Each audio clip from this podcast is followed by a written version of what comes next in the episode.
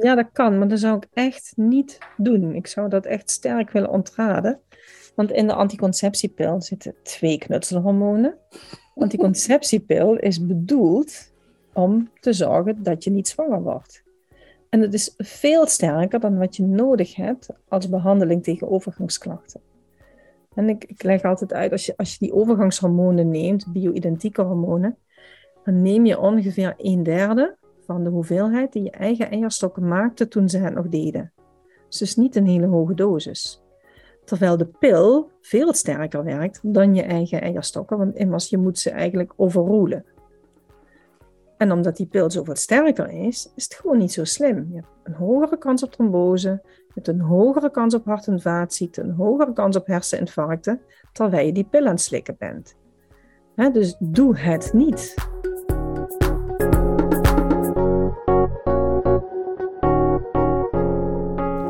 Welkom bij de Happy Hashimoto podcast. Deze podcast wordt anders dan alle eerdere afleveringen. Vandaag ga ik namelijk niet zelf in gesprek met mijn gast, maar stel ik vragen van jullie, de luisteraars, in een exclusieve QA-sessie. Mijn gast is bij de vaste luisteraar al bekend. Vandaag stel ik namelijk jullie vragen aan vrouwenarts en gynaecoloog Barbara Havenit. En het onderwerp van deze aflevering is de trage schildklier in de overgang. Op mijn Instagram-account en Facebook-pagina heb ik een oproep geplaatst waarin ik jullie, de Hashimoto community, vroeg om al je brandende vragen over de overgang aan Barbara aan mij door te sturen. En daar is massaal op gereageerd. Dank daarvoor allereerst. Ik heb een mooie selectie vragen kunnen maken en Ehm, daar gaan we zo mee starten. Maar voordat we dat doen, wil ik natuurlijk allereerst Barbara welkom heten bij weer een nieuwe aflevering van de Happy Hashimoto podcast. Barbara, welkom. Super fijn dat je weer tijd voor ons vrijmaakt. Ja, dankjewel Vera voor de introductie en ook alle luisteraars en vragenstellers. En inderdaad, al heel veel jaren hè, krijg ik al heel veel vragen over de overgang. En je zou denken, op een gegeven moment weet iedereen het wel. En toch is dat niet zo. En uh, ik ben blij dat er veel vragen zijn en ik weet zeker dat er antwoorden komen. Laten we maar gewoon uh, beginnen, inderdaad. Ik heb de vragen uh, zoveel mogelijk geclusterd per onderwerp. En ehm, vragen van verschillende luisteraars eigenlijk in één vraag samengesmolten. Zodat we zoveel mogelijk mensen kunnen bedienen. Mm -hmm. Um, maar laten we starten met een aantal algemene vragen over de overgang. Allereerst, een van de meest gestelde vragen. Hoe weet ik of ik in de overgang ben en kan ik dit laten testen met een bloedonderzoek? -hmm. um, nou, ik begin even met het eerste deel van de vraag. Hoe weet je dat? Nou, dat weet je op het moment dat je typische overgangsklachten krijgt. Dan is de volgende vraag natuurlijk, wat zijn typische overgangsklachten? De overgang begint niet pas als je je laatste menstruatie hebt gehad. De overgang begint echt al veel eerder. Nou, zeker wel zo'n jaar of tien eerder, maar dat is subtiel. En dat komt omdat de balans tussen de twee belangrijkste hormonen van je eierstok, estradiol en progesteron, gaat veranderen. Als eierstokken wat ouder worden en hun voorraad eicellen verminderd is, dan maken ze minder makkelijk progesteron naar de ijsprong. Dus dan krijg je automatisch een balans richting oestrogeen in een cyclus. Nou, dat kun je merken aan symptomen als dat je cyclus verandert. Het kan zijn dat je cyclus korter wordt, dat komt vaak voor. Je ziet dat bloedingen vaak wat erger worden of wat langer duren. Of een soort van aanloop krijgen of een beetje nalekken terwijl je dat eerder nooit hebt gehad. Dat zijn wel veranderingen die passen bij progesterontekort. Op een gegeven moment gaan uh, eierstokken helemaal geen progesteron meer maken, eisprongen blijven uit en dan wordt uh, de cyclus heel onregelmatig. Er zijn ook vrouwen die juist niet meer bloedverlies krijgen, maar juist veel minder. Ook dat kan een gevolg zijn van progesterontekort. Nou, en dat kan dus ook al best op je 35ste beginnen dus er wordt in mijn ervaring heel vaak niet gedacht aan de overgang bij vrouwen voor de 40, terwijl ze wel klachten hebben. En ja, dan worden die klachten vervolgens eigenlijk niet goed behandeld met, ja, wat vaak gebeurt, meisje neemt de pil. En het is eigenlijk een non-oplossing. Maar goed, daar gaan we het straks bij andere vragen over hebben. Ehm, en dat kun je, je kunt ook aan je, aan je stemming kun je ook wel merken dat er progesteron tekort is. Bijvoorbeeld heel veel vrouwen krijgen dan last van PMS-klachten. En dat je stemming echt niet meer eh, heel erg prettig is. Dat je een beetje gaat snauwen en grauwen. Dat je snel uh, in emoties schiet. Hè? Dat je denkt, val ook allemaal niet lastig. Of dat je merkt dat je wat onrustiger gaat slapen. En dan komt het omdat progesteron echt zo'n hormoon is wat zorgt voor rust, kalmte en overzicht. Ja, en als je dat feel good hormoon. Ja, het is een feel good hormoon. En daarmee is estradiol natuurlijk geen slecht hormoon. Estradiol is het hormoon wat je nodig hebt voor de voortplanting. En het is het hormoon wat je nodig hebt om juist goed op tijd adequaat te kunnen reageren op gevaar. dat hoort ook echt bij, het kinderen kunnen krijgen. Je bent er niet als je dat kind op de wereld hebt gezet. Mensenkinderen zijn verschrikkelijk onbehulpzaam, on, on, ja, hulpbehoevend. Onbeholpen, ja. hulpbehoevend. Nou, die kunnen nog niet zoveel als ze geboren zijn. Ja, je moet toch een aantal jaren de oren, de ogen, het gevoel en, en de neus van dat kind zijn. En dat doet estradiol. Het maakt je zintuigen veel scherper. Dus je bent ook eerder op, bovenop de kast als er iets is. Nou ja, en als je dan daar geen rem tegenover hebt in de vorm van progesteron, dan kun je daar klachten van krijgen. En heel veel vrouwen krijgen uiteindelijk bij deze klachten de diagnose, dan is het een burn-out. Maar dat is helemaal geen burn-out. Het is gewoon een uh, progesterontekort. Of een PMS, misschien dat ze of dat PMS ook wel eens... door uh, progesterontekort. Dus ja. een van de oorzaken van premenstrueel syndroom is progesterontekort. Ja. ja. Dat, dat, dus je, en, en, en, en, dan later, hè, dan gaat het natuurlijk door. Op een gegeven moment ja, cyclus onregelmatig of het stopt helemaal. En dan zie je dat kort daarvoor of direct na stoppen van menstruaties de klachten gaan ontstaan door het oestrogeentekort. En dat zijn vooral de opvliegers en het nachtelijk transpireren. En dan uiteindelijk, nog weer iets later meestal, een jaartje of zo later, kunnen vrouwen ook last krijgen van de drogere slijmvliezen dus een, bijvoorbeeld droge ogen, contactlenzen niet meer kunnen verdragen, een droge mond en ook een wat drogere, wat schrijnend gevoel in de vagina. En vaak al blaasontstekingen. Nou, en dan heb je zo'n beetje de volgorde van klachten. Maar, niet elke Ja, als je daar dus eenmaal bent, dan is het mhm. wel een, een duidelijk teken dat je in de overgang bent. Maar juist die eerste zijn denk ik best subtiel. zeker, en vaak al dus een aanloop van een jaar of tien. Ja. En, dus is het nu wel of... Oh, sorry. Ja, niet bij iedereen tien jaar hoor, maar het kan echt al tien jaar eerder beginnen. Ja. En is er dan ook een moment dat je dan toch denkt van joh, ik laat het even met een bloedonderzoek mhm. eh, verifiëren eigenlijk, mijn vermoeden? Kan dat? Je kan het meten, maar het zegt niet zoveel. Omdat het fluctueert natuurlijk. Het zijn momentopnames. Hè? Hormonen fluctueren van dag tot dag. En uh, zeker zo'n progesterontekort laat zich niet heel makkelijk vangen. En dat moet dan, als je het al wil meten, zo'n week na de ijsprong. En ik leg altijd aan mijn patiënten uit die zeggen, ik wil dat dan zwart op wit hebben. Oké, je kunt achteraf iets zeggen over die ene cyclus. Maar het zegt niks over de andere cycli. Nou, het kan zomaar zijn dat je dan in een cyclus meet waar je wel een ijsprong had. Of waarin je wel nog een redelijke progesteron aanmaak had, terwijl het hè, drie van de vier keer niet goed gaat. Ja, dus precies. gewoon niet zoveel. De klachten zijn leidend. En hetzelfde is dat je hebt ook zelftesten hè, om te kijken van ben ik dan in de overgang. En die meten het hormoon FSH. Mm Kan je ook met een bloedonderzoek laten meten. Dat is het hormoon wat de eierstokken uh, stimuleert om aan het werk te gaan. Nou, als dat heel erg hoog is, dan ben je vrij zeker in de overgang. Maar heel vaak komen er zo'n beetje, ja, ja, een beetje twijfelachtige waarden uit. Het is wat hoog, maar het is ook nog niet zeker. Dan zou je dat dus eigenlijk ook nog weer drie maanden moeten herhalen. Zelfs om een dat, lijn te bedenken. Zelfs dat niet. Weet je, ik heb altijd zoiets van, doe, doe dat nou maar niet. Hè? Investeer je geld liever in testen die werkelijk bepalen of je gezond bent of niet. Maar niet in, ben ik in de overgang of niet. De klachten zijn leidend. Ja. Helder. Je noemde net al eventjes, uh, het kan tien jaar duren of tien jaar eerder kun je al de signalen uh, opmerken dat je in de overgang gaat. Dat kan al beginnen op je 35ste, hoorde ik je zeggen. Een veelgestelde vraag: wat is nu de gemiddelde leeftijd waarop een vrouw in de overgang komt? En wanneer noem je het een vervroegde overgang? Want dat hoor je ook vaak noemen. Mhm. En wat, waar moet je dan op letten als jij in de vervroegde overgang gaat? Nou, begin ik weer met het eerste deel van de vraag. Gemiddeld genomen hebben vrouwen in West-Europa op hun 51ste de laatste menstruatie. Nou, de overgang begint al veel eerder. Er zijn vrouwen die echt hun laatste menstruatie al hebben als ze 45 zijn. Dat is echt helemaal normaal. En er zijn vrouwen die met 56 nog steeds menstrueren.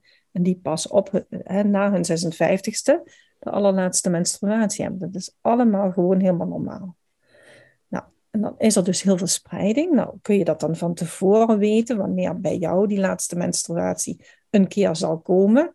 Dat kun je nooit op de maand precies zeggen. Maar een, ja, een, een richting geeft de leeftijd die je moeder had toen ze haar laatste menstruatie had. Of oudere zussen. Dat komt relatief vaak wel overeen. En niet nogmaals precies op een maand. Hè. Maar stel dat je moeder met 47 haar laatste menstruatie had. Dan is het gewoon niet zo waarschijnlijk dat jij nog tot 56 doormenstrueert. Andersom, als je moeder met 56 haar laatste menstruatie had. Is het ook niet zo waarschijnlijk dat jij met 46 al stopt. Hè, maar het is niet altijd hetzelfde. Ja. Ja. Maar daar kun je je op baseren. En dan de vervroegde overgang, ja, dat, is eigenlijk als je voor 40 je allerlaatste menstruatie had. Dat noemen we vervroegde overgang. Ook wel POI genoemd, Premature Ovarian Insufficiency. Ehm, ja, dan is er dus een hele fase dat we het eigenlijk niet helemaal normaal vinden, maar nog niet echt heel erg te vroeg, tussen 40 en 45. En wat, zijn, wat zijn oorzaken van zo'n POI? Hoe kan dat Ja, dat is, het is, in de meeste gevallen is het pech dat je gewoon op de wereld gekomen bent met een verlaagde eicelvoorraad. Nou, het kan ook zo zijn dat je behandelingen hebt gehad, bijvoorbeeld dat je geopereerd bent aan eierstokken, waardoor er een deel van de eicelvoorraad wegging. Uh, in zeldzame gevallen kan het ook voorkomen na operaties in de buikholte, bijvoorbeeld aan de baarmoeder. Uh, het kan voorkomen door bestraling in, in het gebied waar je eierstokken liggen of door chemotherapie. Maar meestal is het dus gewoon pech. Dan kom je op de wereld met een mindere eicelvoorraad. En ook dat, het is ook wel een beetje familiair bepaald. En heel zeldzaam zijn auto-immuunziektes, waarbij ook je eierstokken een target zijn voor je immuunsysteem. Ja, ik kan me voorstellen dat als jij pech hebt en je bent dus op je dertigste al aan de beurt en je hebt zo'n vervroegde overgang, dat je daar dan helemaal niet bij stilstaat dat dat een optie zou kunnen zijn, nee, dat het nee. wel eens de overgang zou zijn. Pas als je dan de opvliegers krijgt en echt de, Ja. de Ja, sterk- ja, precies. En sterker nog, zelfs artsen denken er dan niet altijd aan. Hè? Nee, En, en heel gauw wordt als vrouwen niet meer menstrueren gezegd, nou ja, hier ga aan de pil. Ja, het is gewoon natuurlijk niet, niet een diagnose stellen.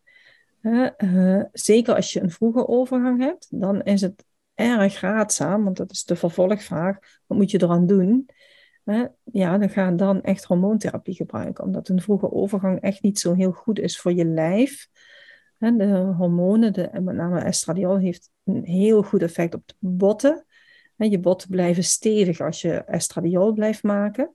Maar als je al heel vroeg stopt, heb je veel meer kans op osteoporose en op het breken van heupen en het inzakken van wervels op een wat oudere leeftijd. Dus ga echt zorgen dat je hormoontherapie krijgt, tenminste tot je vijftigste. Hè, de gemiddelde overgangsleeftijd om en nabij. En ehm, ja, en, andere nare gevolgen zijn ook een hogere kans op hart- na de menopauze. En dan zie je het echt wel duidelijk eh, stijgen, die kans. Het is niet dat je het krijgt, maar er is veel meer kans. En eh, nou ja, ook dat wil je eigenlijk het liefst zoveel mogelijk voor je uitschuiven. dus het is eigenlijk best wel belangrijk om zo vroeg mogelijk die diagnose te hebben. Ja, Alhoewel de groep dus klein is die dat overkomt, is het wel een goede om in je achterhoofd mee te nemen als optie voor eh, reden van klachten. Ja. En dat je dan dus ook actie moet ondernemen. Het lijkt een kleine groep, het is 1% van alle vrouwen. Dat is best veel. Ja, en als je dan denkt van, nou, eh, hè, dus in een jaargroep, dus wat in, in een jaar geboren zijn vrouwen, om en nabij de 90 à 100.000 vrouwen. Nou, 1% daarvan Dat zijn zijn er heel wat. 100.000. Dat zijn er niet weinig hoor. Nee. Hè, dus duizend per jaar die de diagnose krijgt vervoegde overgang. Oh, dan ben ik helemaal blij dat we deze vraag hier nu behandelen. Want dat is, uh, ja. is toch wel een dingetje om mhm. uh, rekening mee te houden. Ja. En, nog jonger, dus dat je al met 30 de diagnose krijgt van een vervolgde menopauze. Dat is bij 1 op de 10.000 vrouwen. Maar dat is nog steeds. Ook nog steeds veel. Ja, ja. komt hmm. zeker voor. Ja.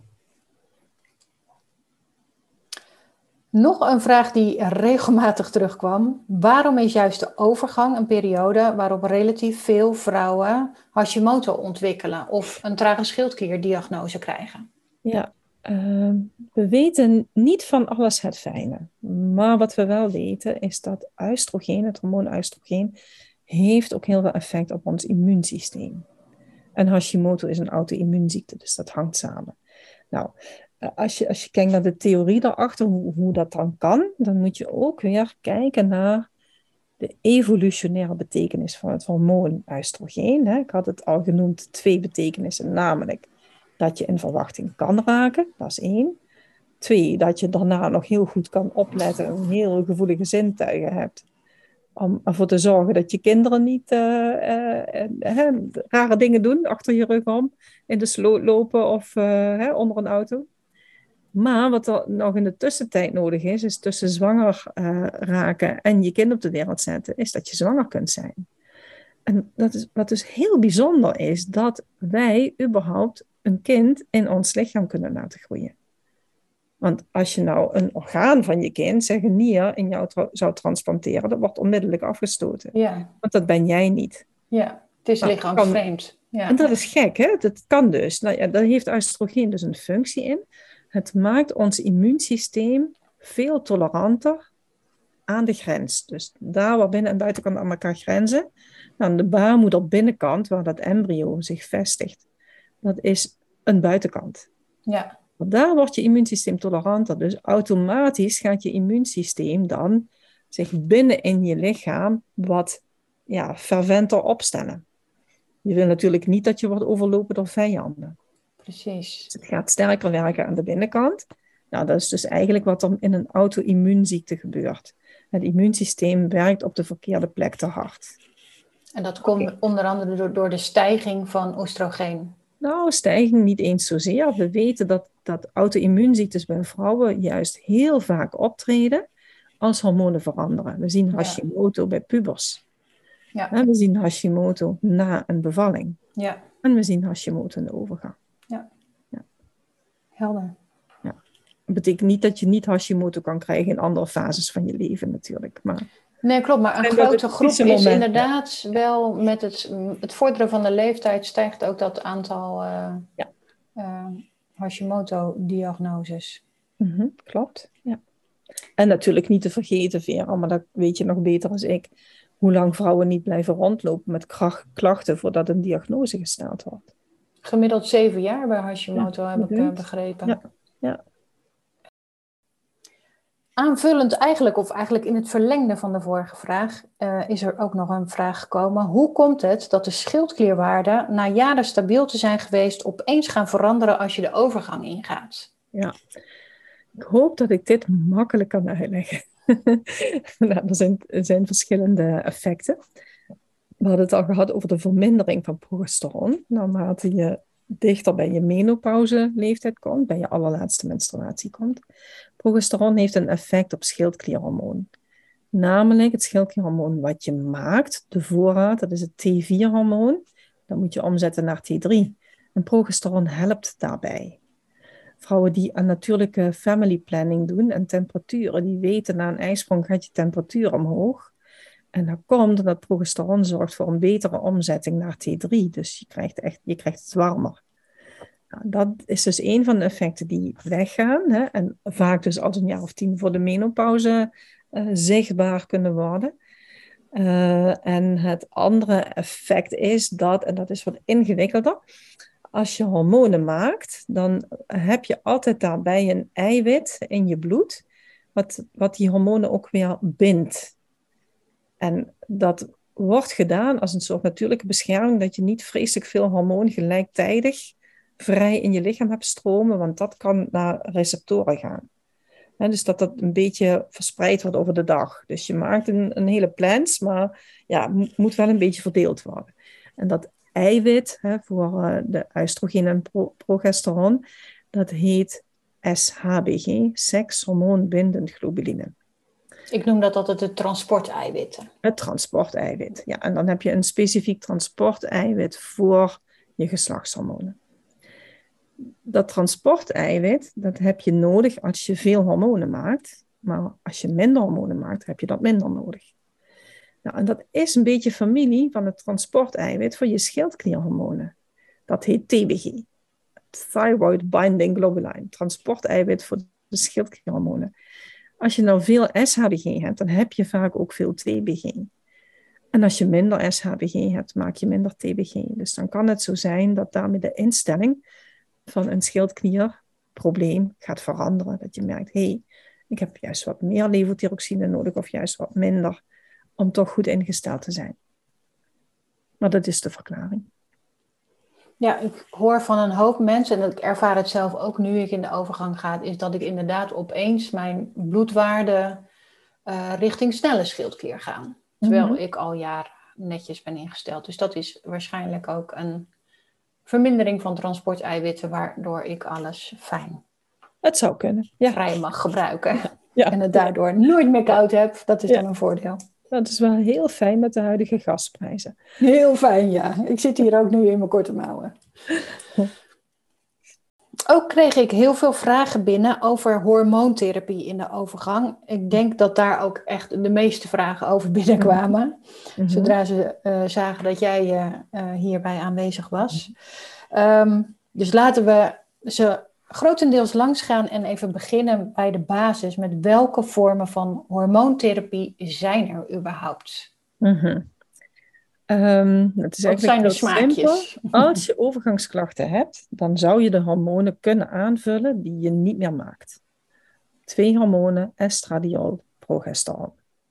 Nou, die hormonen maken ze in fabrieken en dat heet bio-identiek hormoon, omdat het precies dezelfde hormonen zijn zoals je eigen eierstokken kunnen maken. Dus dezelfde structuur, alles. Je lichaam herkent het als, hé, hey, dat heb ik zelf gemaakt. Nou, die kun je slikken. En die kun je uh, gedeeltelijk ook vaginaal gebruiken. Dat kan ook nog wel. En je kan ze via de huid toedienen. er zijn diverse opties. Er zijn ook andere hormonen die overgangsklachten verhelpen. En dat zijn dan vaak pilletjes combinaties tussen estradiol, dat is het bio-identieke oestrogeen, met een progestativum. En een progestativum is anders dan progesteron. Ik noem dat wel eens voor het gemak knutselhormoon. Er zijn veel verschillende knutselhormonen. Die vind je bijvoorbeeld ook in anticonceptiepillen. Dat zijn ook knutselhormonen. Nou, en waarom noem ik dat zo? Dat zijn hormonen die niet in de natuur voorkomen. Geen enkel dier maakt ze. Ze groeien niet aan planten. Ze kunnen alleen in de fabriek worden gemaakt. Nou, soms hebben knutselhormonen echt wel voordelen. Maar eigenlijk voor het bestrijden van overgangsklachten zijn ze niet nodig. Maar ze zijn in de markt gezet en ze worden ook wel gepromoot. Maar als je kijkt, hebben ze dan, ja, dan echt voordelen voor de gemiddelde vrouw met klacht? Nee, hebben ze niet. Maar toch staan in die richtlijnen natuurlijk wel de knutselhormonen op de eerste plek. En dat komt omdat dokters dat maar één keer gewend zijn. Ja, en waarschijnlijk een, een verdienmodel ergens met patenten achter zit. ooit, hè? Ooit waren die middelen natuurlijk allemaal gepatenteerd en zijn in de markt gezet. En die patenten zijn er al lang vanaf. Maar toch blijven ze gewoon in de eerste plaats genoemd worden. Ja. Gewoonte. Ja, dus ook denk ik gewoonte, inderdaad. Ja, dokters weten niet beter. en, en hebben vooroordeel. En ik moet je ook eerlijk zeggen, als je kijkt van de meeste artsen willen natuurlijk heel gedegen wetenschappelijk onderzoek van iets wat ze voorschrijven, gelukkig. Mm. Als je dan kijkt, ja, is er naar bio-identiek uh, progesteron dan met name, is daar nou evenveel onderzoek naar gedaan en kwalitatief evenveel onderzoek als naar progestatieve? En dat is niet zo. Dat heeft alles te maken met financiering van wetenschappelijk onderzoek. Ja. Progesteron bestaat al in de natuur, kan niet gepatenteerd worden. En als er geen patent op is, is er geen verdienmodel. En als je niks verdient, ja, dan heb je ook geen geld voor het wetenschappelijk onderzoek. Er is wetenschappelijk onderzoek, Er zijn vooral wat kleinere onderzoeken. Er zijn heel langlopende onderzoeken van echt wel tien jaren langer, die heel, echt heel goed hebben aangetoond, progesteron is veilig. Maar dokters denken toch dat de heilige graal van onderzoek, dubbelblind gerandomiseerd, leg ik even uit. Je hebt duizend vrouwen, 500 geef je knutselhormoon, 500 geef je progesteron. En dan ga je eens na tien jaar de verschillende groep meten. Ja, dat is vreselijk duur onderzoek. Dat wordt, dat wordt niet goed. geen enkele fabrikant van knutselhormonen zal hier geld voor uittrekken. maar ja, degenen die bio-identiek hormoon maken, hebben er geen geld voor. Zo simpel is het. Maar eigenlijk zou je dus, als ik hem uh, probeer samen te vatten, er um, de oestrogeenvariant is er een bio-identiek uh, variant. Ja. ja. Progesteron is er in knutselhormoonvariant, maar ook in de, een, nou, ja, een goede vraag en ik snap het, maar progesteron is altijd bio-identiek. Mag maar okay. één hormoon progesteron heten, bio-identiek progesteron. En progestativum is het knutselhormoon. Dus je, dat zijn de knutselvarianten. Of bio-identiek oestrogeen plus knutselhormoon, progestativum. Ja. Of je hebt bio-identiek oestrogeen plus progesteron.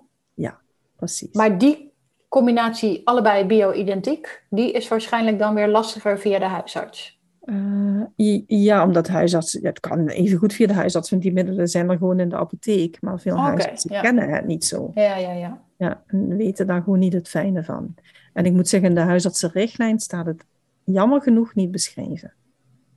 dus dan wordt echt de voorkeur gegeven aan estradiol slikken met dihydrogesteron, dat is zo'n progestativum, of met, wat heb je nog meer voor spullen? Uh, nou ja, er zijn nog een paar andere progestatieven, ik ben ze even allemaal kwijt, hoe ze ook alweer heten, omdat ik ze nooit ja. krijg. Zal ik ook vergeten. Ja, en um, wat de huisartsen ook echt heel erg geweldig vinden, is een Mirena-spiraal met levonorgestrel en dan estradiol via de huid. Of uh, slikken. En uh, ja, eigenlijk estradiol via de huid plus progesteron schrijven ze gewoon niet voor. Kennen ze niet. Want je zei net kort al eventjes, je kan dus uh, pilletjes slikken. Mm -hmm. Zoals je schildkliermedicatie slikt, ja. heb je ook hormoon die je kan slikken. Mm -hmm. Je mhm. kan smeren je, ja. uh, met crème of gel. Gel of er is een spray. En er zijn ook spray zelfs. Pleisters ook nog. En je hebt volgens mij ook nog gel vaginale crème. Je hebt vaginale dan... crème met een oestrogeen. En dat is estriol. Maar dat is heel zwak werkzaam. En dat is nooit genoeg tegen opvliegers. Dus die vaginale crèmes of vaginale zetpillen worden toegepast bij vrouwen die vooral een probleem hebben met de vagina, droogte, pijn, terugkerende blaasontsteking. Ja. Zeer effectief. Lokaal werkend. Maar lokaal werkend. Dus het is niet dat dat in de rest van je lichaam iets doet. En wanneer kies je dan bijvoorbeeld tussen een pil of een crème of spray? Is daar, of een pleister? Is daar nog een ja, bepaald kan... klachtenpatroon wat de voorkeur geeft? Nee, helemaal niet. Nee. Kijk, je moet altijd kijken naar voor- en nadelen. En het kan een persoonlijke voorkeur zijn. Hè? Bijvoorbeeld iemand die zegt, ja, ik neem toch al elke dag een schildklierhormoonpilletje. Mm Vind ik het wel makkelijk om dat te combineren. Dat kan. Ik raad eigenlijk zelf altijd via de huid aan. Want je hebt een lagere dosis nodig. Dat is één. En twee, je hebt via de huid gewoon echt geen verhoogde kans op trombose of embolie. voor zover we dat nu weten, is er geen verhoogde kans. En in, in de richtlijnen staat uh, waarschijnlijk geen verhoogde kans, maar het is geen verhoogde kans. En um, als je slikt, is die kans wel wat hoger. Dus niet zo hoog als bij de pil. vrouwen die de anticonceptiepil slikken na hun vijftigste, hebben misschien wel een vijf tot tien keer zo hoge kans op trombose. Dat is meer dan wanneer je op jonge leeftijd de anticonceptiepil slikt. Ja. Dus daarom is de anticonceptiepil, wat ook vrouwen wel nemen, hè, zo van, dan krijg ik lekker geen overgangsslachten, is een bijzonder slecht idee, want het is veel te sterk. En estradiol via de huid, geen verhoogde kans op trombose. Progesteron maakt niet uit, progestativa doen daar weinig aan. En heeft het uh, via de huid dan ook nog een voordeel dat het gelijk wordt opgenomen in het bloed en niet langs de lever hoeft? Geeft dat nog voordelen? Dat kan een voordeel zijn natuurlijk, hè? Omdat, uh, ja, we, denken, we denken natuurlijk altijd allemaal, oh die arme lever, die heeft al zoveel te verduren. Op zich, als je kijkt, het gaat om microgrammen. Hè? Het zijn geen hele grote hoeveelheden. Het is niet zo dat je lever daar helemaal hotel de botel van raakt hoor. Maar het klopt, de dosis is gewoon lager voor hetzelfde effect. En een pleister is een beetje vergelijkbaar met smeren. Ja, smeren, gel, dus gel kun je smeren, een spray op je huid direct of een pleister. Ehm, wat ik bij de pleisters zie, en die wordt vaak aanbevolen, je hebt een constante toediening. Dat klopt, maar ik zie wel bij veel pleisters, ik heb dat vaak gemeten bij vrouwen, dat de eerste dag eigenlijk relatief veel oestrogeen eruit komt. De tweede dag is het ongeveer wat je wil. En de derde dag is het eigenlijk alweer minder dan je wil. Dus het gaat wel erg op en af. Dus lang niet voor iedereen fout, maar er zijn ook vrouwen die daardoor juist weer bloedingen krijgen. Hmm. Dat is niet de bedoeling als je overgangshormonen gaat gebruiken. Eh, als je een gel of, een, of sprays toedient, dat is één keer per dag. Dat is elke dag hetzelfde. Dan zie je vaak dat dat wat minder uh, dit soort bijwerkingen geeft. Bij de keuze van type uh, hormoontherapie, zijn er dan nog specifieke vormen specifiek beter voor bepaalde klachten? Heb je daar ervaring mee? Ja, niet, niet heel specifiek hoor. Dus je hebt, mm, je hebt verschillende soorten progestativa en er zijn er dus bijvoorbeeld ook met drospirenon. Vrouwen kennen die wel van de jasmin of jaspil. Die wordt vaak geadviseerd, want je krijgt er zo'n mooie gladde huid van, geen acne en uh, je hebt minder kans op overbeharing. Dat komt omdat vrouwen die een anticonceptiepil of een overgangshormoonpil met rospirinon slikken, die krijgen ook veel lager testosteron. Oké, dat kan heel fijn zijn, maar het kan ook juist een nadeel zijn. En dan heet het middel Angelique, dat is dus een overgangshormoonmiddel. Dat kun je gewoon op recept voorschrijven. Uh, maar ja, ik denk altijd, ik zie bij vrouwen na de overgang veel vaker klachten door een tekort aan progesteron dan door te veel. Het is niet uitgesloten, maar ik schrijf dus eigenlijk bijna nooit. Testosteron. Ja, een tekort aan testosteron ja. wel eens geregeld. Hè? Ja. En ik zie niet zo gauw een teveel testosteron. Maar ja, dan wordt dat dan gepromoot. Zo van, oh, dan is dat dan heel goed voor je. Nou, oké. Uh, en verder, er zijn eigenlijk geen duidelijke verschillen, joh. Nee.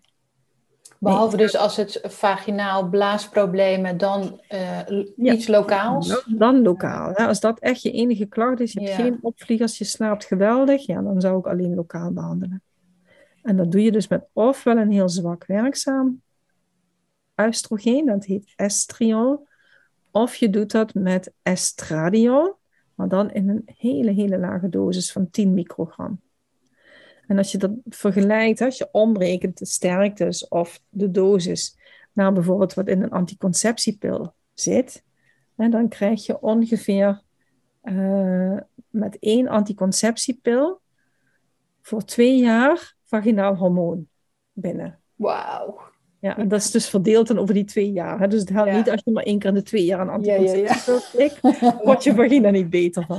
Maar dat laat dus wel zien dat het heel weinig is wat er nodig is. En dan heeft het toch een heel goed effect. Ja. Moet je nagaan. Ja. Wat is nou een goed moment om, als je het overweegt, met hormoontherapie te starten? En wat is juist een goed moment om weer te stoppen? Mhm. En hoe doe je dat stoppen?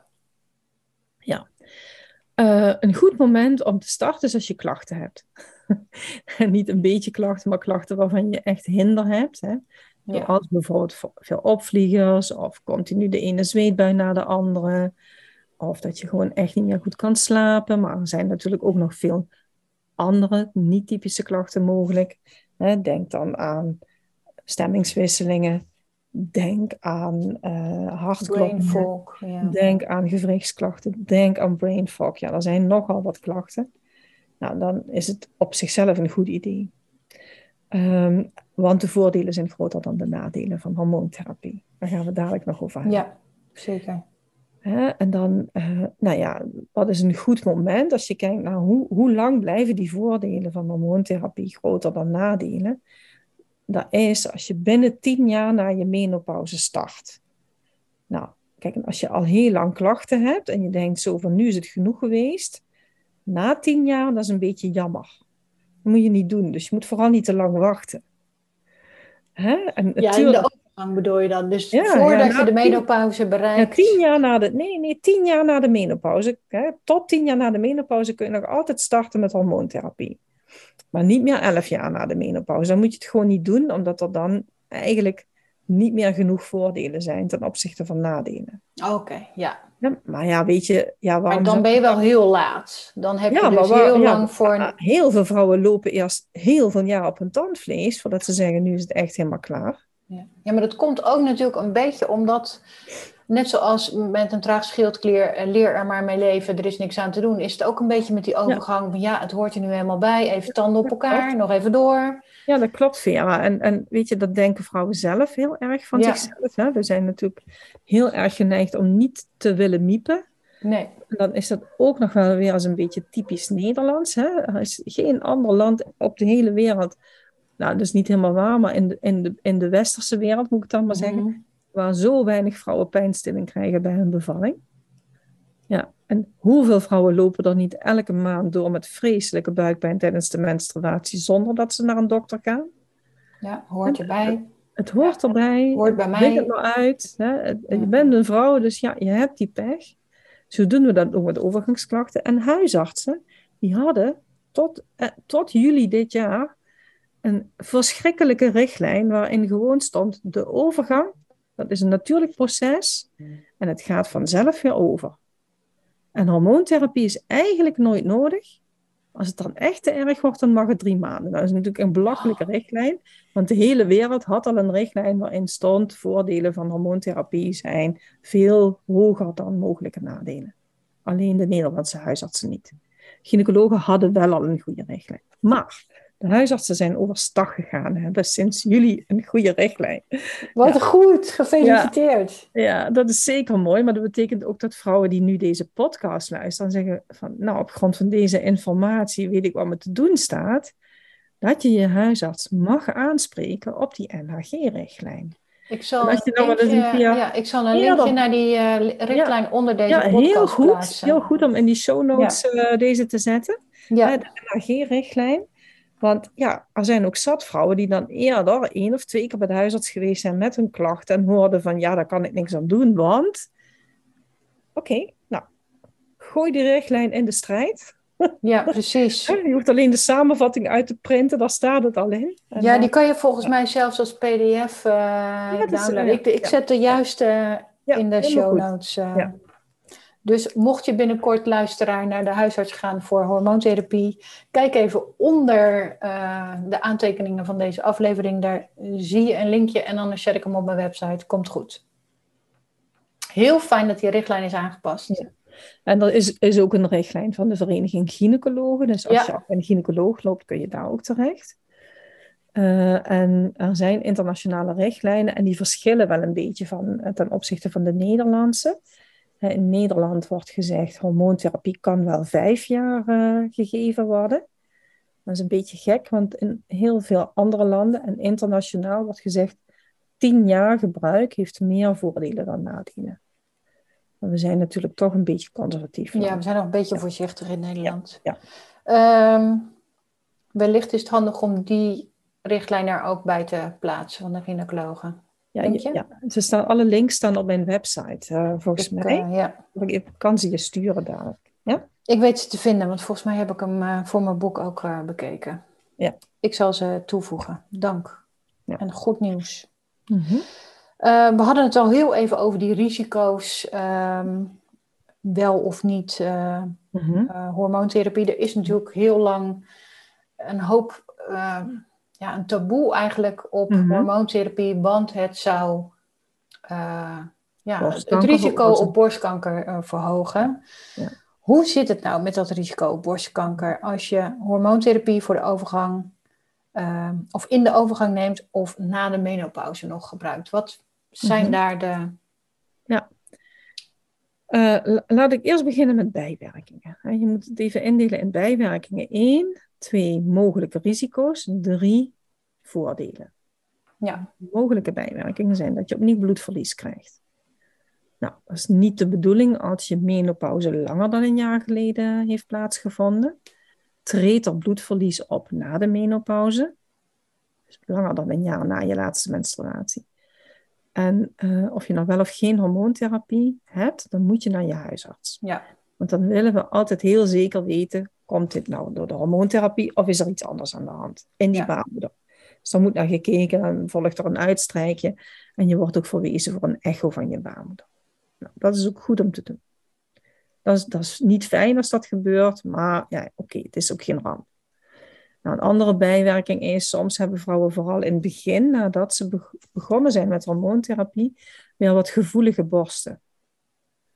Oké, ja, dat is ook niet fijn. Dat gaat meestal over als je hormoontherapie via de huid toedient en je krijgt er gevoelige borsten van, of wil je het voorkomen, dan zeg ik altijd smeer of spray alsjeblieft dat oestrogeen aan de binnenkant van je dijbenen. Dus een beetje ver uit de buurt van de borsten, dus niet op je armen. Dan heb je daar ook al minder kans op. Oké. Uh, andere bijwerking, ja, kan. Hè. Niet, niet iedereen reageert heel goed op hormonen. Meestal zijn, zijn ze er niet, maar sommige vrouwen komen er echt uh, van aan. Die, hè, die gaan echt vocht vasthouden door oestrogeen. Maar dat is zeldzaam. Oké, dan de nadelen. Op lange termijn mogelijke risico's.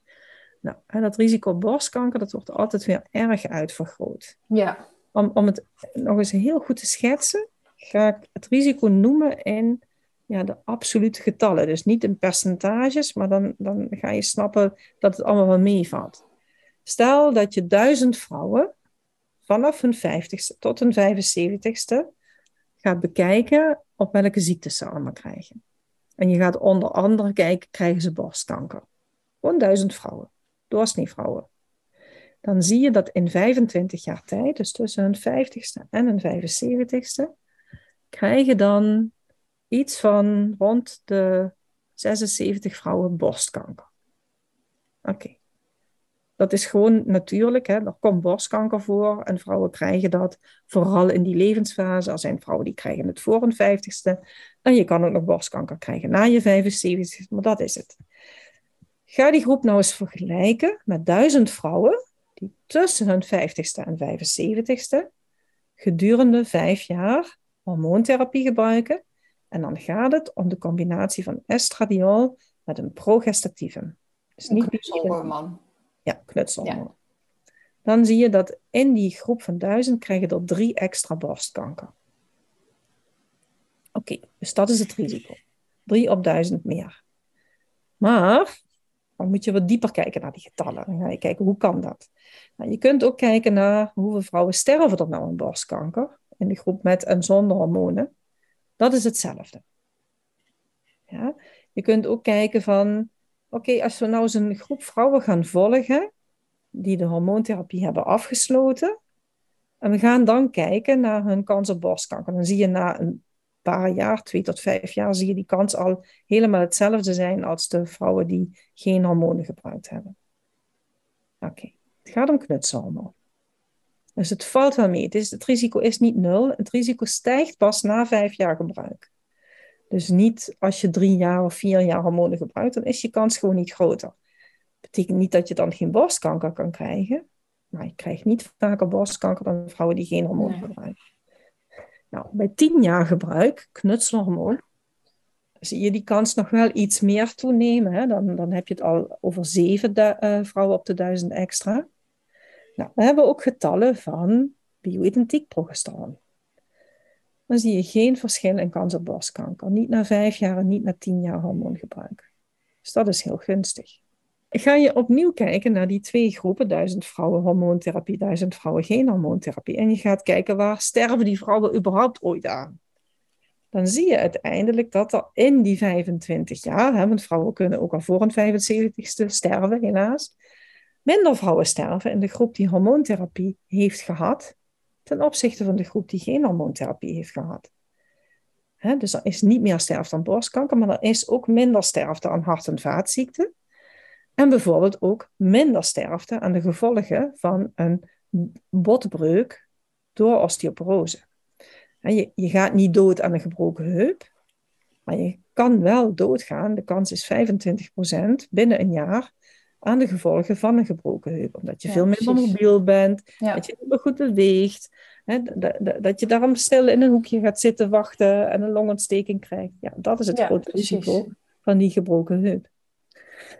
Hè, dus uiteindelijk zijn de vrouwen die hormoontherapie hebben gehad beter af. En dat effect eilt dus echt nog lang door nadat je gestopt bent met hormoontherapie. Dus de, de voordelen van hormoontherapie zijn groter dan de nadelen. En dat bedenk ik niet zelf. Er is een, uh, in 2013 al voor het eerst een, uh, ja, een verklaring geweest van uh, een instantie die heet de International Menopause Society. Dus dat is een organisatie die wereldwijd werkt. En er zitten echt heel veel gynaecologen in, niet alleen uit het Westen en de VS en Canada, maar echt van heel veel andere landen. Dus ook Aziatische landen, ook zelfs Afrikaanse landen, Zuid-Amerikaanse landen. Nou, die hebben samen vastgesteld, hormoontherapie voor vrouwen in de overgang heeft veel meer voordelen dan mogelijke nadelen. Nou, toen hebben ze in 2016 die verklaring nog een beetje aangepast. Juist ook bij het risico op osteoporose is hormoontherapie een ontzettend goed idee. Want het is bewezen de allerbeste preventie van osteoporose. Nou, wat wil je dan nog? Maar dan zou je bijna zeggen van joh, ook al heb je niet al te erge overgangsklachten, misschien is het sowieso wel goed. Dat of ben ik dan iets te enthousiast? Nee, nee, eigenlijk zou je dat natuurlijk bijna zeggen. Maar in de richtlijnen staat het zo nog niet, hè? Nee, precies. Maar stel ik, want ik heb eigenlijk ga ik er nu nog vrij lachend doorheen. Maar goed, afkloppen, zo lang zit ik er nog niet in. Nee. Ehm, laat ik het zo zeggen, het is prima vol te houden zonder dat ik uh, hulp, hulptroep inzet. Maar als ik dit zou horen, dan denk ik, nou, ja, nou wie weet toch. Ja, dus, nou kijk, zolang je nog menstrueert en niet al te veel klachten hebt, dan hoeft het natuurlijk ook niet echt. Maar pas na, op het moment van de menopauze, een jaar lang niet gemenstrueerd. Hè? En, en ja, kijk, in die Nederlandse richtlijnen, die van de huisarts en die van de gynaecologen staat dat je vrouwen met klachten serieus moet nemen. Mhm. en, en, niet moet zeggen, het waait wel over. Hè? Ja, hè? er wordt eigenlijk niet preventief hormoontherapie gegeven. Nee als je kijkt naar de richtlijn die er is voor osteoporose, ja, die komt pas in actie als je al osteoporose hebt. ja, precies. Maar die willen we niet. Dat willen we niet. Nee, je wil dat niet. Hè? En uh, ja, eigenlijk de, de beste preventie is echt wel dus hormoontherapie. Terwijl er in die richtlijn staat, hè, rode kans op osteoporose. Oké, er is een keer een DEXA-scan gemaakt. Hè, er is wel al verminderde botdichtheid. Nou, ga maar de bisfosfonaten slikken. Ja. dat zijn medicijnen met veel bijwerkingen. Ja. Tja. Ik heb trouwens nog een, uh, nu we, het, we hebben het over borstkanker. Ik mhm. bedenk nu, ik heb nog een vraag in de categorie hormoontherapie mhm. kanker. Ehm, meerdere keren binnengekomen, deze vraag. Uh, de strekking is, ik heb een hormoongevoelige soort kanker en mag geen hormoontherapie met mhm. oestrogenen erin gebruiken. Mhm. Wat zijn mijn opties? En dit mhm. zijn mensen die nog voor de menopauze zitten. Ja, ja, dat is natuurlijk een hele nare situatie als je daarin zit. En ja, dan wordt een beetje het hormoon oestrogeen als een soort van vijand uh, gezien. Je krijgt ook vaak juist antihormonen. Ja. Tamoxifen of arimidex, uh, aromatase remmers. En dat, dat geeft heel veel bijwerkingen het is bewezen hè, werkzaam voor vrouwen met borstkanker, dat er dan minder kans is dat die kanker terugkomt. Ehm, ja, wat heb je dan voor opties? Kijk, er zijn altijd veel meer opties dan hormoontherapie als je overgangsklachten hebt. Het is bewezen dat gezonde voeding heel erg gunstig werkt. Het is niet zo dat je van 25 opvliegers naar 0 opvliegers gaat door gezond te eten maar zoals je ziet dat bij een ziekte van Hashimoto gezonde voeding extreem belangrijk is. Vers en onbewerkt, veel groenten. en dan laat je natuurlijk de gluten en de soja en de melkeiwitten weg. En maar verder veel variatie. Je eet wel pulvrucht, je eet noten, je eet zaden. Je eet af en toe dierlijk voedsel. kip, andere gevogelte, vis vooral. heel gevarieerd. Dat is heel gezond, mediterrane voeding. Je ziet minder klachten. Nou, we weten dat ook van bewegen. Hè? Dat is een andere poot in de leefstijl, uh, uh, ja, de leefstijladviezen. Hè? Als je gaat bewegen, en het liefst regelmatig bewegen, dingen als wandelen. En je hoeft je niet helemaal uit de na te sporten. Maar ook krachttraining. En dat zijn hele goede manieren om al weer minder opvliegers te krijgen. Maar nogmaals, ook weer niet van 25 naar 0. Maar het heeft effect. Ja. Nou, ontspanningstechnieken, body-mind technieken, zoals yoga, mindfulness, meditatie, hebben effect, is aangetoond. Nou, dat is heel mooi. Natuurlijk, hè? je wordt daardoor stressbestendiger. Stress heeft altijd een negatief effect als je overgangsklachten hebt. Ja. Nou, dat kan nog meer overgangsklachten bevorderen. Ja, minder leuk om te vertellen, maar alcohol doet het ook heel erg. in het Hashimoto-dieet wat jij promoot, is alcohol een no-go. Nou, dus ook in de overgang eigenlijk een. Ja. ja. ja. maar dat geldt nog veel meer voor roken. Liever niet. Er zijn aanwijzingen, niet hartstikke goed bewezen, maar wel aanwijzingen dat hormoonverstorende stoffen ook zorgen voor eerdere klachten, meer klachten. Probeer ze zoveel mogelijk te vermijden. En dan heb je dus al heel veel dingen in die leefstijl waar je, waar je mee bezig kan zijn. En dan bij uitstek, als je zo'n diagnose krijgt als borstkanker, wat je wereld op de kop zet, een hele belangrijke poot van leefstijl is zingeving. Ja, wat doe je het voor? Ja. wat maakt jouw leven de moeite waard? Ja, eens kijken, hè? het klinkt heel gek, zo van ja, hè? ik ga vrijwilligerswerk doen om minder last te hebben van mijn hormonen. Dat is niet voor iedereen hetzelfde, maar ja, dingen doen die voor jou het leven waard maken, met je familie, in je werk, dat heeft echt een toegevoegde waarde op minder last hebben van bepaalde klachten. Nou, daar zou je het dan toch mee moeten doen.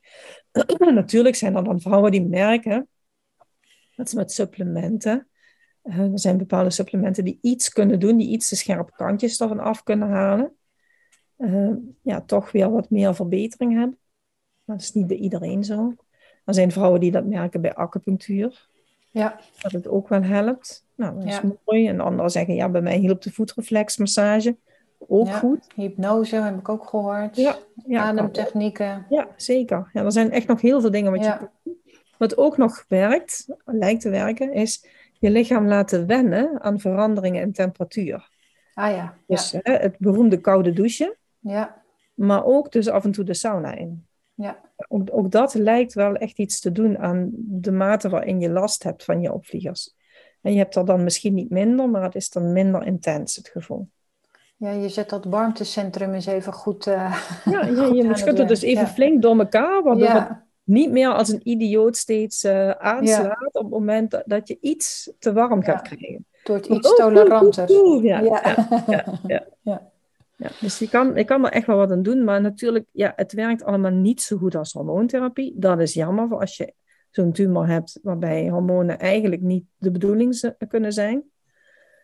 Maar er is zeker wel wat aan te doen aan de klachten. Ja. Nog één laatste vraag over de hormoontherapie en dan gaan we door, jawel, naar de anticonceptiepil.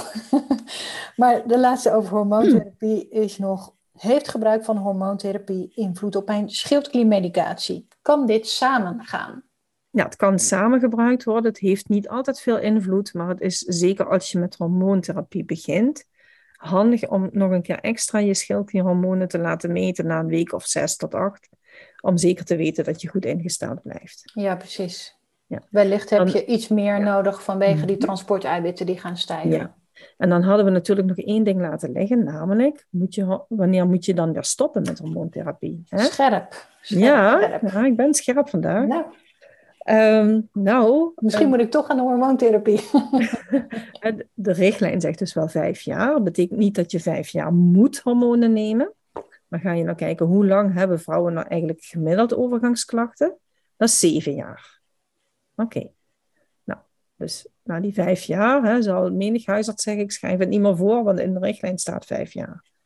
Het is niet zo handig om plotseling te stoppen. Je kan veel beter afbouwen. Bijvoorbeeld halveren en eens kijken hoe dat gaat. Dat zal niet van de een op de andere dag opnieuw de klachten geven. Maar na een week of zes is dat wel duidelijk. En heb je na zes weken geen enkel uh, klacht erbij, Dan kun je zeggen, nou, ik, ik stop eens en kijk hoe dat gaat. Heb je binnen die zes weken opnieuw je klachten terug, ja, dan is het gewoon niet zo slim om, om, om al te stoppen. Maar als je huisarts dan toch zegt van, joh, ik schrijf het niet meer voor, dan... Dan kom je, dan kom je gewoon naar de hormoonpolie. Precies.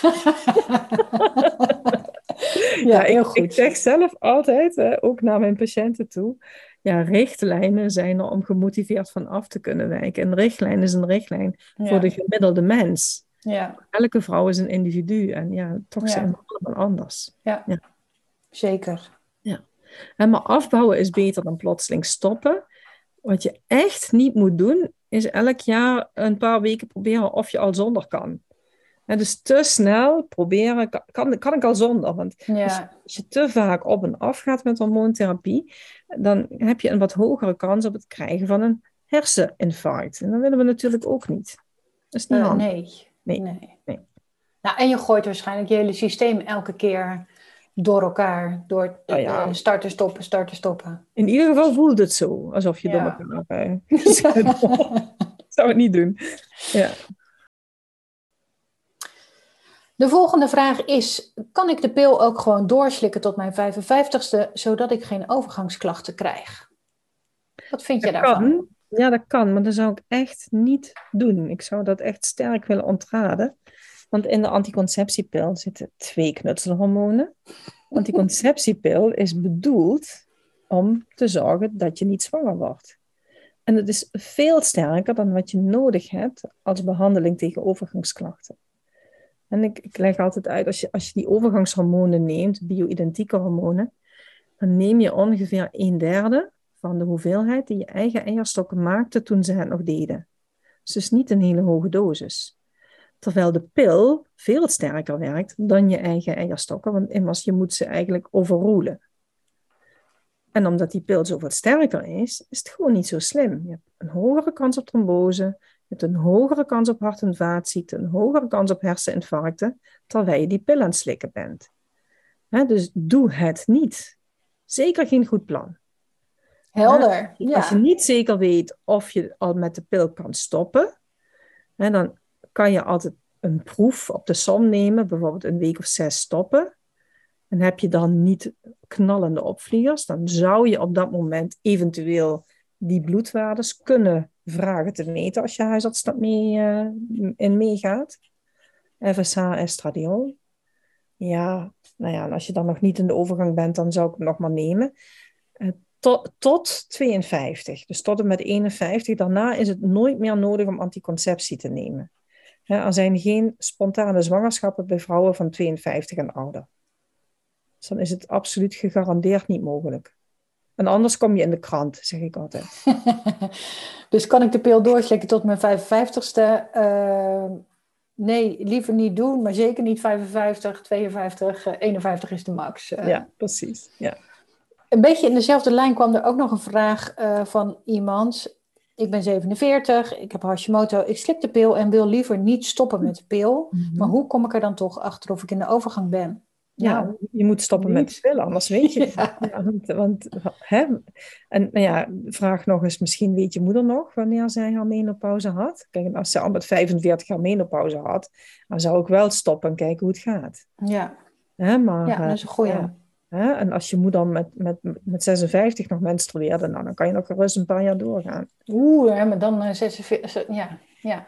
Het komt voor, ja. Vera. 5% van alle vrouwen blijft menstrueren. Hè? na haar 56ste. Ik geloof 1% menstrueert nog met 57. Er zijn vrouwen van 60 die nog een cyclus hebben. Ja. Mijn hemel. Het is heel zeldzaam, ja. maar het komt voor. En eigenlijk hebben die vrouwen geluk. Als je eierstokken lang blijven werken, ben je heel goed beschermd tegen hart- en vaatziekten, tegen osteoporose. Dat is helemaal zo gek nog niet. Maar wel als ze dan een regelmatige cyclus hebben. Ja, nou, dat, is, dat is wel een beetje een zeldzaamheid. Ja, hè? precies. Dus waarschijnlijk hebben ze dan ook ja. alle handicaps van de overgang ja. al die tijd. Ja, het hoeft niet altijd heel vreselijk te zijn hoor. Nee. Ja, nee.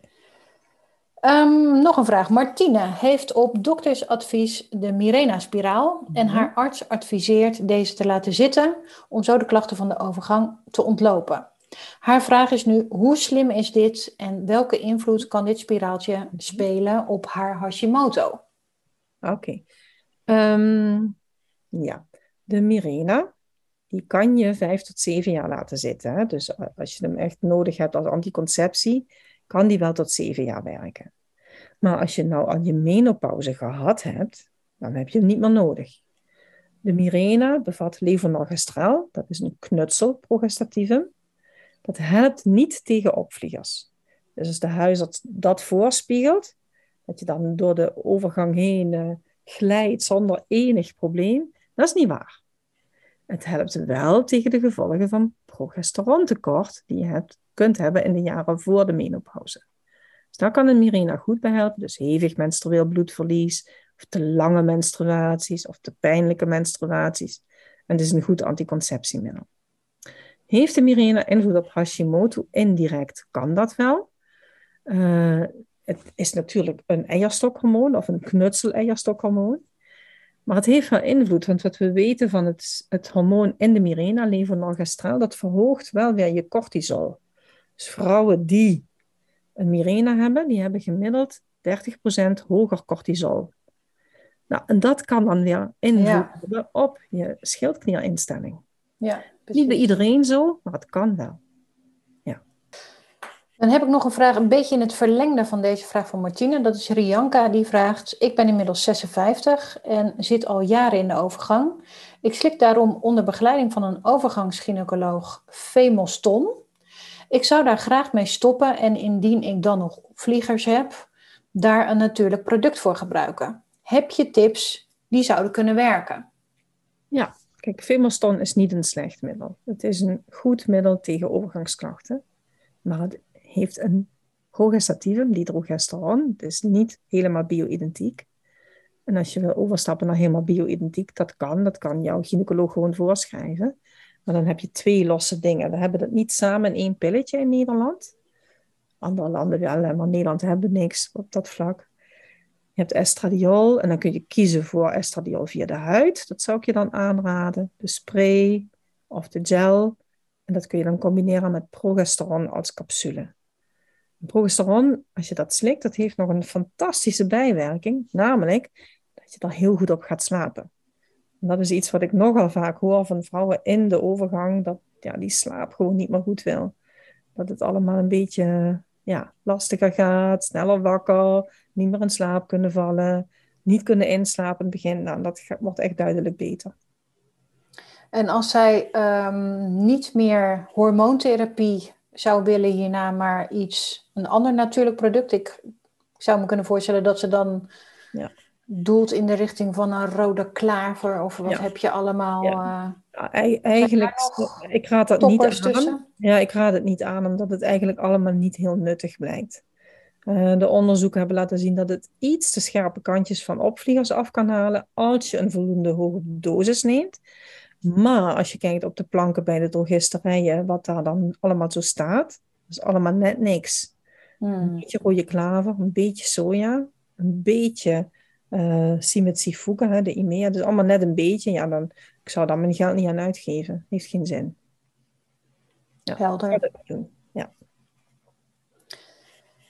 We hebben ontzettend veel besproken aan opties, mogelijkheden, wanneer wat, wanneer niet, wanneer juist wel ik kan me heel goed voorstellen dat mensen niet zelf moeten gaan knutselen, maar dat ze zich moeten laten voorlichten of begeleiden hierin door iemand. Uh, dat kan door een huisarts, uh, maar lang niet elke huisarts heeft zich hierop uh, ja, ingelezen en heeft hier een gevoel bij. Wat zijn dan de opties? Je hebt een, ik hoor ontzettend veel endocrinoloog, vulvapolie, overgangsconsulenten, gynaecologen. Er zijn heel veel loketten. Ja. Maar wat is nou een, ja. Wat is een goede, optie? Goede loketten zijn uh, de menopauseconsulenten, verpleegkundige overgangsconsulenten, zo heten ze. Dat zijn verpleegkundigen met een mhm. aanvullende opleiding. En waar vind je die? Ja, heel veel uh, ziekenhuizen hebben uh, verpleegkundige overgangsconsulenten.